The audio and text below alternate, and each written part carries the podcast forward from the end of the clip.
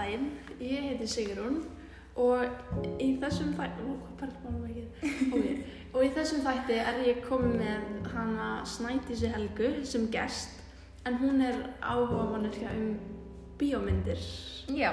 og við horfðum báðar á tvær bíómyndir, annars vegar uh, okkar einn Oslo sem að koma út ára 2011 og fjallar um svona fjölskyldu drama.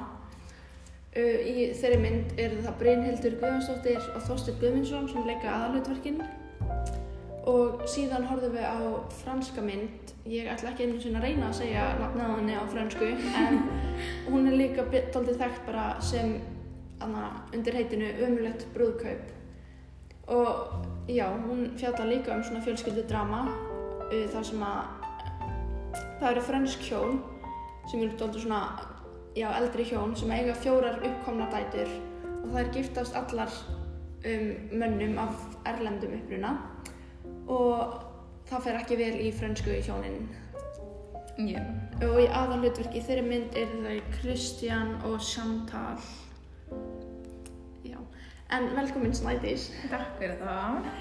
hvernig hérna bara svona svo við byrjum hvernig fannst þér myndirnar Mér báða myndirna mjög góður sko. Ég, hérna, ég fannst meira gaman af íslensku myndinni. já maður svona, hana betur maður tengdi hans meira við hana sko. en hvað veistu svona almennt um bæði franskan húmor og síðan íslenskan húmor Sko, það er náttúrulega rosalega miklu stereotýpur það koma frökkum og svona. En hérna, ég veit ekkert rosalega mikið um franskan húmor. En maður svona pínu sá hann kannski í þessari bíómynd. já, Svona fjölskyldudrama, vera að gera grín af, þú veist, ég veit ekki, svona svona fordómar trúarhefðum Mhm. og alls konar.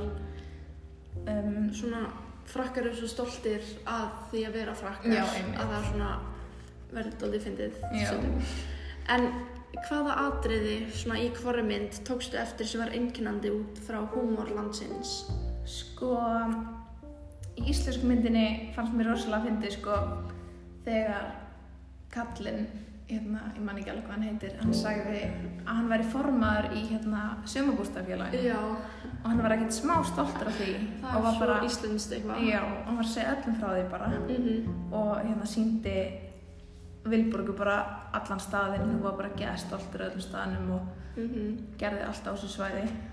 já Já. síðan sko ég tók eftir í frönsku myndinni mitt að meðan sem ég fyndi hann atriði þegar það átti að skera forhúðina af barninu, ég man ekki hvað barni en Já. einhverju af barnabarninu þeirra Einmitt. og hann átti að geima hana sagt, og honum fannst það svo asnalegt og hann er svo mikill frakki að hann bara skildi þetta alls ekki Já. og síðan var hann svo metnaðarlaus gagvart þessu þannig að hundurinn komst í þetta Já. og þau svona, pæl, svona reyndi bara að hérna voru ekkert neitt, neitt af því Einmitt. En myndið þú segja að menningamunir þessara tveggja landa hafi komið í ljós út frá myndinum Um, já, algjörlega. Þetta er náttúrulega rosalega mikil munur á þessum löndum.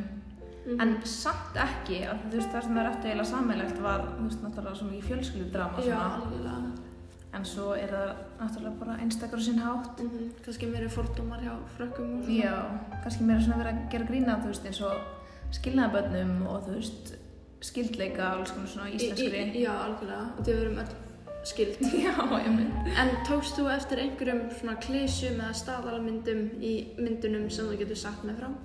Já, um, eins og í frönsku myndinni, þá var náttúrulega faðir stelpnana mjög pólitískur og náttúrulega hugsaði bara um peninga eiginlega Mm -hmm. og hann talaði alltaf um að vilja bara, þú veist, eðlilega franska fjölskyldu Mm og þú veist, náttúrulega mamman og pappinu voru bara miður sín þegar alla dæturnar ákveða, þú veist, giftast mönnum, bara ekki frönsku mönnum en Já. já, ég veit ekki alveg með íslensku myndina samt Nei, bara svona, erum mjög seinheipin oftast og, en samt alltaf svona að reyna svona taka þetta rettast á það. Já, einmitt Um, hvernig myndir þú lýsa húmórnum í myndinum? Um, íslenska myndin var náttúrulega bara 100% íslensk svona húmor bíómynd. Mm -hmm. mjög auðalegur húmór. Já, einmitt. Tengdist það svo mikið svona ástinni, fjölskyldunni, Mm -hmm. fjölskyldtengslum, drama og svona. Mm -hmm. og hérna í svarta mynd, nei svarta myndin, franska myndin var með mjög mikið svartan húmor. Já, algjörlega. Mjög mikið svartan húmor. sko. Verið að gera grína, þú veist, trúabröðum og, og fjölskyldarama og svona alls konar. Já. En já, ég er hérna búin með spurningarna í byli. Já. Uh, Takk innilega fyrir þetta spjall. Takk þetta fyrir var það, mjög leiðist. skemmtilegt og ég mæli bara með að allir horfa á þessar myndir. Það er hægt að finna þær bara á netinu. Já, einmitt. Takk fyrir. Takk fyrir.